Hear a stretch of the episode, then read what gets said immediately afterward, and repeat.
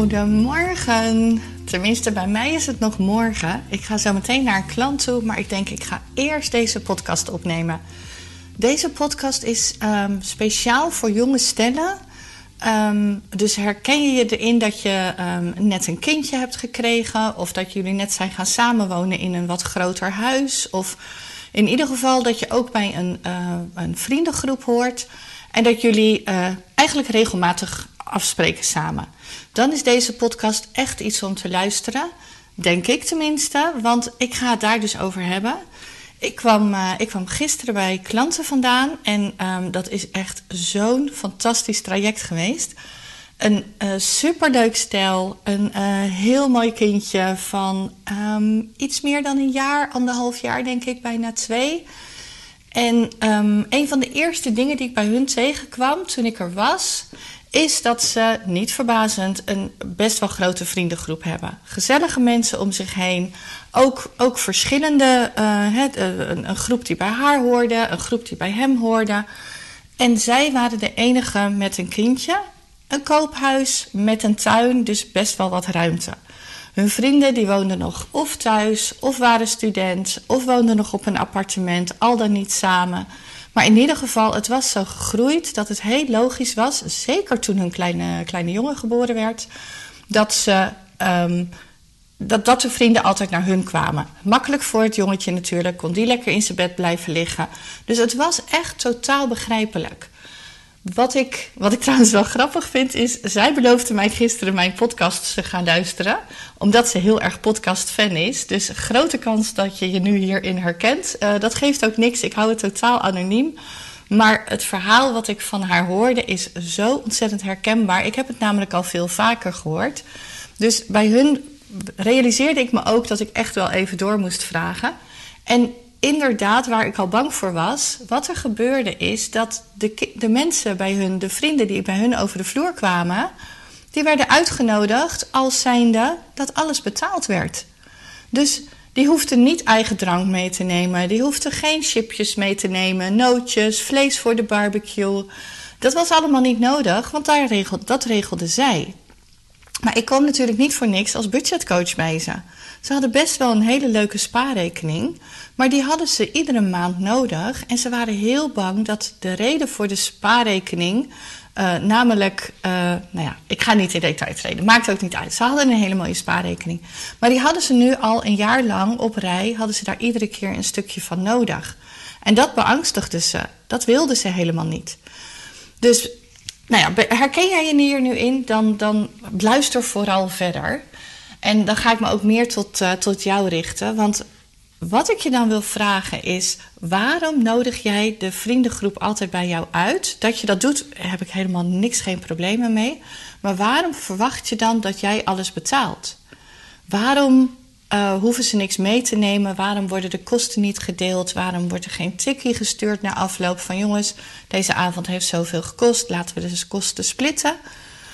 En ik denk dat ik dan wel een klein beetje het antwoord kan, uh, kan, kan gokken. Of te gokken, nou, het heeft dus niks meer met gokken te maken. Want wat ik al zeg, ik ben dit echt meerdere keren tegengekomen.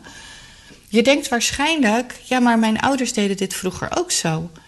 Die nodigden ook vrienden uit en die hoefden daar ook niet voor te betalen. Daar werden ook geen tikkies gestuurd. Dus het is toch heel logisch dat als mensen bij mij over de vloer komen, dat ik dan alles betaal. Maar dan heb ik wel een tegenvraag. Of, in of ja, een tegenvraag best wel. Jouw ouders, die, gaan, um, die nodigen vrienden uit, maar de volgende keer is het bij die vrienden. Dus de volgende keer, als jouw ouders een gezellige avond hebben, dan is het bij, uh, nou ja, noem eens wat, bij Henk en Ingrid. Um, over twee maanden, dan zitten ze bij Piet en Jeanette. En dan zijn zij weer een keertje aan de beurt en is het bij hun. Oftewel, op een natuurlijke, organische manier worden die kosten gedeeld, worden die kosten gesplitst. In tegenstelling tot jij, als jij het huis hebt waar de ruimte is. Of als jij de tuin hebt waar de ruimte is om te barbecuen. Als jij een kleine hebt en de vrienden nog niet, dan is het zo logisch dat de mensen naar jou toe komen. Maar het is dus niet logisch, in ieder geval niet in mijn financieel coachhoofd. Het is niet logisch dat jullie dan altijd de alle kosten dragen. Want dat is, ja, dat, ja, het klinkt misschien heel stom, maar dat is gewoon niet eerlijk ehm, voor jullie eigen portemonnee.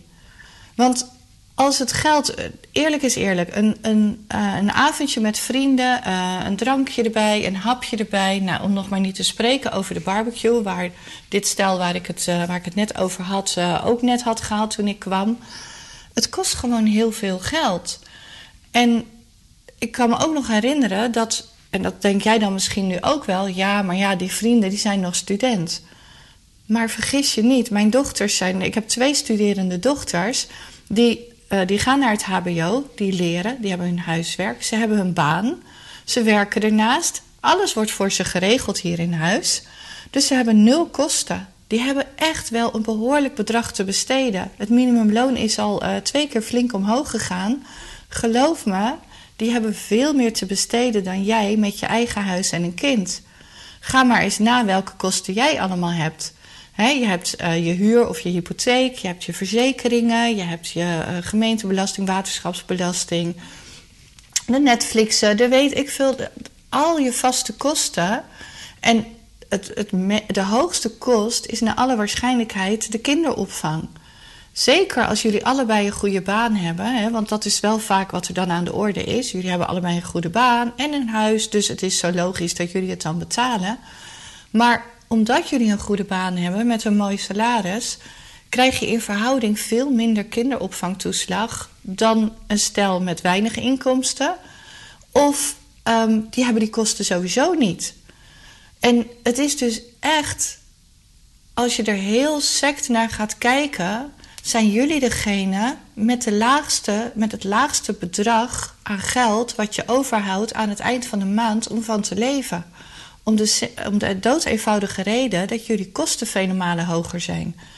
Dus um, denken, ja, maar die vrienden die studeren nog, dus die hebben veel minder te besteden. Of ja, maar zij wonen op een klein appartement, dus zullen ze het wel slechter hebben dan wij. Zo ziet het er misschien uit in je hoofd. Maar als je sect kijkt naar wat iemand overhoudt om te besteden aan huistuin- en keukendingen, dus aan de variabele kosten, wat je uitgeeft aan voeding, uh, tanken, um, uh, een keertje uh, een terrasje pakken, overige dingen zoals cadeautjes, kleding, al die variabele kosten hebben jullie waarschijnlijk het minste besteden. Dus wat ik ook, nou, ik denk dat ik het echt al, nou, ik denk al zeker tien keer um, aan de hand heb gehad, deze situatie. En wat ik dus ook altijd aanraad is: ga in gesprek met je vrienden. Ga ze uitleggen dat, dat, dat jullie gewoon krap zitten. Dat het een, een, een, eigenlijk een soort van keuze wordt. Of we gaan op deze manier door. En dat betekent dat wij misschien niet op vakantie kunnen. Of dat we echt ieder dubbeltje moeten omdraaien. Of dat we geld van de spaarrekening halen. Of dat we. Maar dat het een prijskaartje heeft.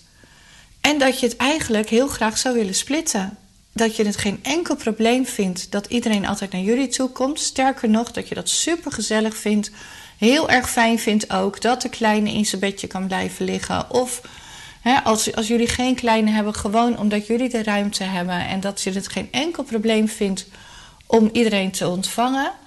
Maar dat het wel reëel is om die kosten te gaan splitten. Omdat je, ja, het, het, het, het kan niet ongestraft. Laat ik het zo zeggen.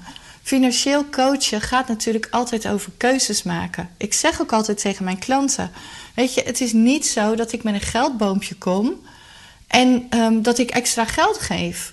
Um, ik ga ruimtes vinden, ik ik ga manieren vinden van anders denken, anders doen, waardoor er ruimte komt. En op het moment dat die vrienden dus altijd naar jullie toe komen, dan heeft dat gewoon een bepaalde prijs. Dan heeft dat een bepaalde keuze in zich dat je dus andere dingen niet kan doen. En ik realiseer me echt, want dat heb ik dus ook al een paar keer teruggekregen van ja, maar hoe dan? Hoe kunnen we dat nou gaan zeggen? Dit is zo gewoon, dit is iedereen zo gewend. En ik hoor daar ook wel eens terug. Toen je net bij ons kwam, de allereerste dag, toen zeiden we al van ja, maar we willen niet van die mensen worden die ieder dubbeltje omdraaien. We willen niet gaan knierten. En dat hoeft ook helemaal niet. Dat hoeft echt niet. Er gaat heel veel geld, stroomt er weg aan dingen waar je heel makkelijk een andere oplossing voor kan vinden of andere keuzes in kan maken. En dit hoort dus ook niet bij knierten. Dit hoort niet bij ieder dubbeltje omdraaien.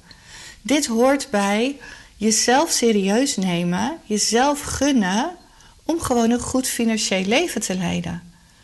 Dus op het moment dat, ik noem maar wat, stel dat een van jullie, uh, een van de mensen uit de vriendengroep ook een groter huis krijgt.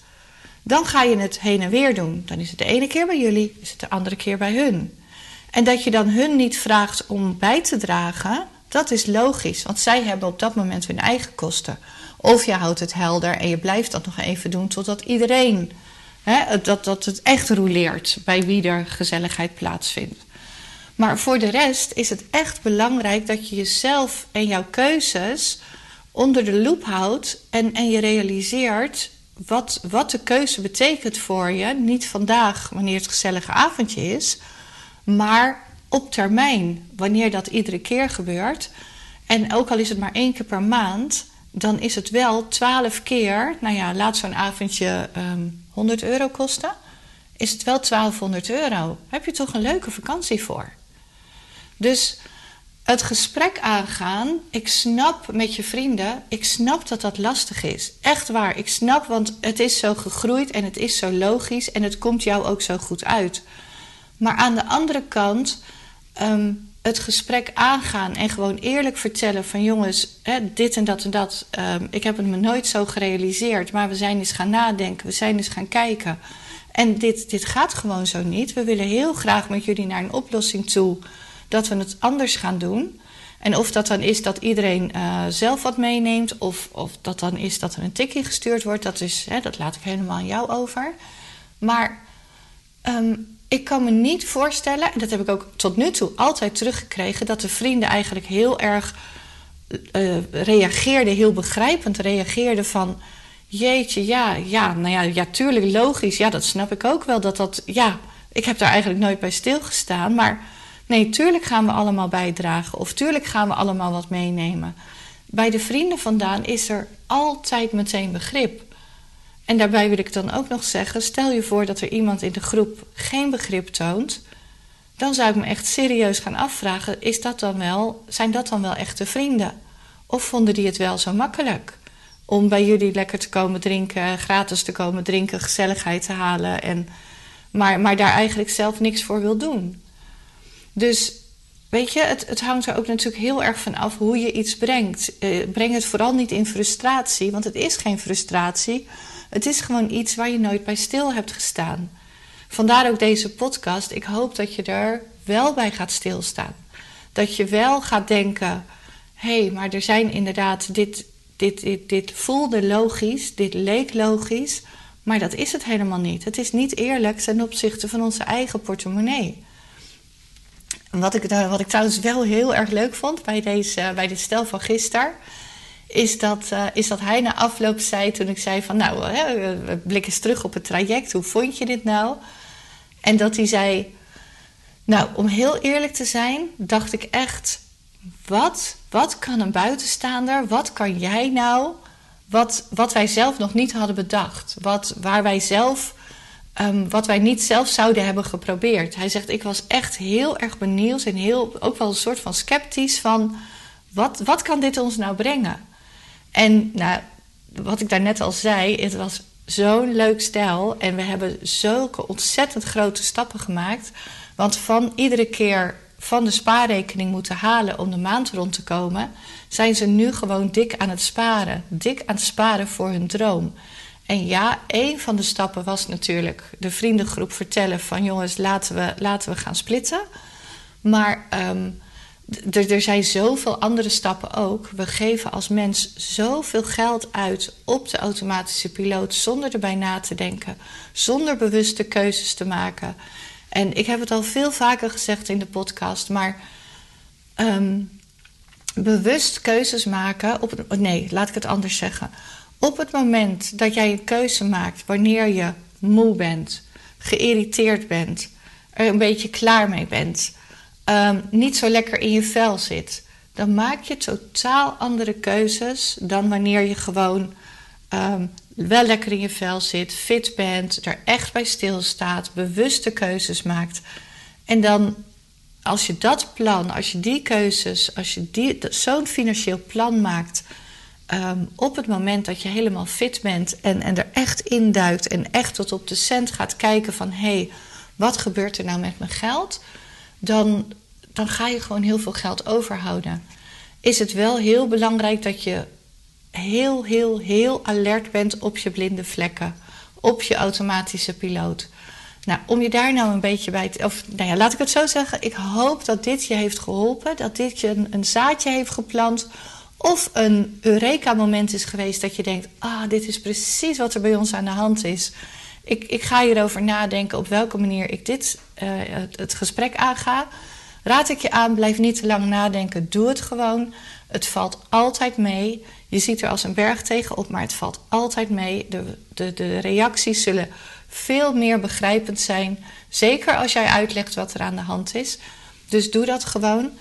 Maar mocht je nou denken van, goh, ik kan daar nog eens uh, wat extra hulp bij gebruiken. Ga dan eens kijken op. Um, ik zet hem trouwens ook wel. Ik heb van de week geleerd dat dat show notes heet. Dus uh, bij deze podcast zet ik hem uh, onderaan in de tekst die, die, die bij de podcast staat even de link naar mijn website. En ik heb een e-book geschreven in vijf stappen grip op je geld. Um, download dat eens. Ik zeg er even bij, dan kom je op mijn nieuwsbrief. Dan ontvang je één keer in de week, één keer in de twee weken ontvang je ook een nieuwsbrief. Ook daarin deel ik tips, uh, inzichten, uh, weetjes, inspiratie. Dus weet je, um, volgens mij word je er nooit slechter van. Um, je kan je ook altijd uitschrijven, hè? dat is tegenwoordig ook verplicht. Dus je kan je altijd weer afmelden onderin. Maar uh, liever niet natuurlijk. Blijf lekker op de nieuwsbrief staan. Want het, nogmaals, je wordt er echt niet slechter van. Maar gun jezelf gewoon om eens bewust naar je financiën te kijken. Het helpt zoveel. En alle kleine beetjes helpen. En je moet maar zo denken. Elke maand 25 euro is ook 300 euro op jaarbasis. Het gaat echt veel harder dan je denkt. Dus nou, ik hoop dat je hier weer wat aan hebt gehad. Denk je nou van hé, hey, ik weet nog een paar mensen om me heen die in deze situatie zitten. Deel vooral deze podcast. Um, laten we met z'n allen gewoon zorgen dat we financieel gewoon fit worden. Dat we grip hebben op ons geld. Um, ik denk dat het gewoon iets heel belangrijks is. Nou, ik wens je een hele fijne avond. Bedankt voor het luisteren. Of een hele fijne avond. Het is hier nog dag. Nou ja, misschien luister je deze wel s'avonds. Dan wens ik je een hele fijne avond. Anders wens ik je een hele fijne dag. En tot de volgende podcast.